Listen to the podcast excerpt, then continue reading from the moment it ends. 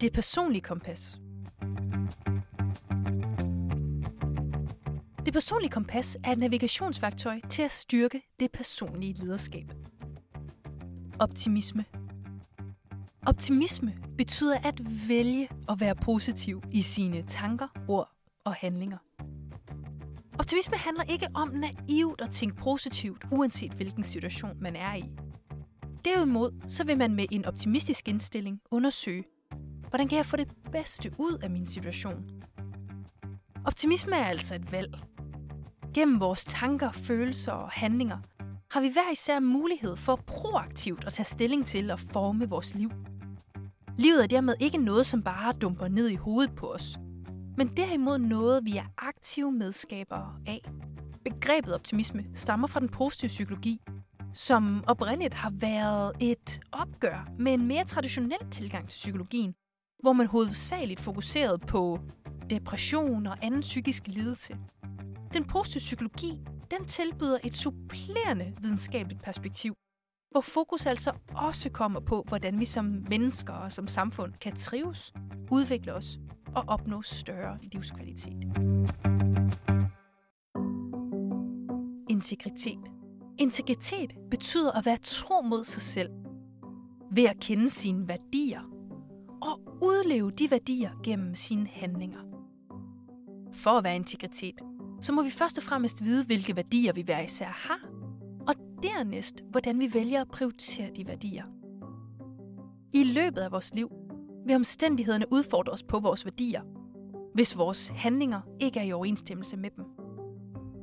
Samtidig vil vi også møde værdikonflikter, hvor vi har brug for at kunne vælge en værdi til på bekostning af en anden.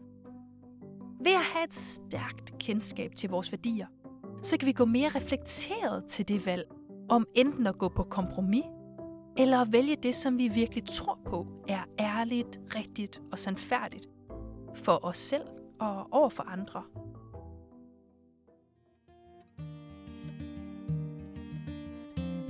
Vedholdenhed. Vedholdenhed handler om at forstå, at vi ved at lægge en indsats i højere grad kan udvikle os og nå de mål, vi sætter os. Det kan du læse mere om i artiklen om mindset. Vi ved fra forskning, at op til 70% af menneskers succes baseres på vores evne til at praktisere vedholdenhed. De gamle grækere så også den her sammenhæng og sammenfattede det i øh, den ligning eller det udtryk, som man kan kalde resultater er lige med færdigheder gang indsats. For at være vedholdende, så kan vi trække på to forskellige strategier. Motivation og selvdisciplin.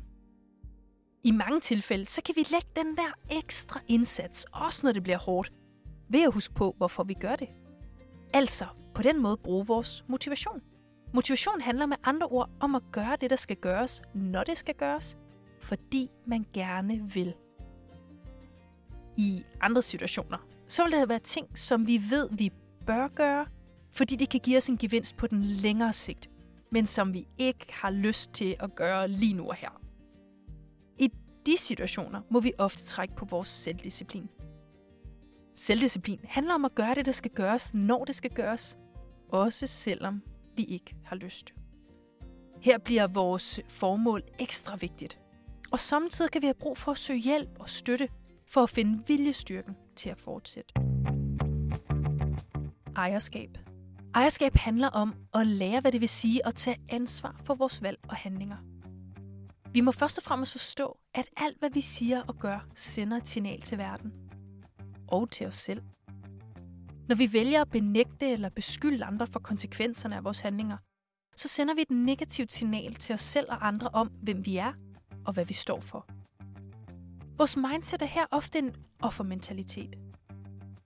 Vælger vi derimod at tage ansvar for vores handlinger, både når vi laver fejl og når vi når succes, så sender det et signal om, at vi har kontrollen i vores liv, og at vi er til at stole på. Vi kan dermed vælge at tage styringen ved dagligt at tage ansvar for vores handlinger, og derved blive chaufføren i vores eget liv.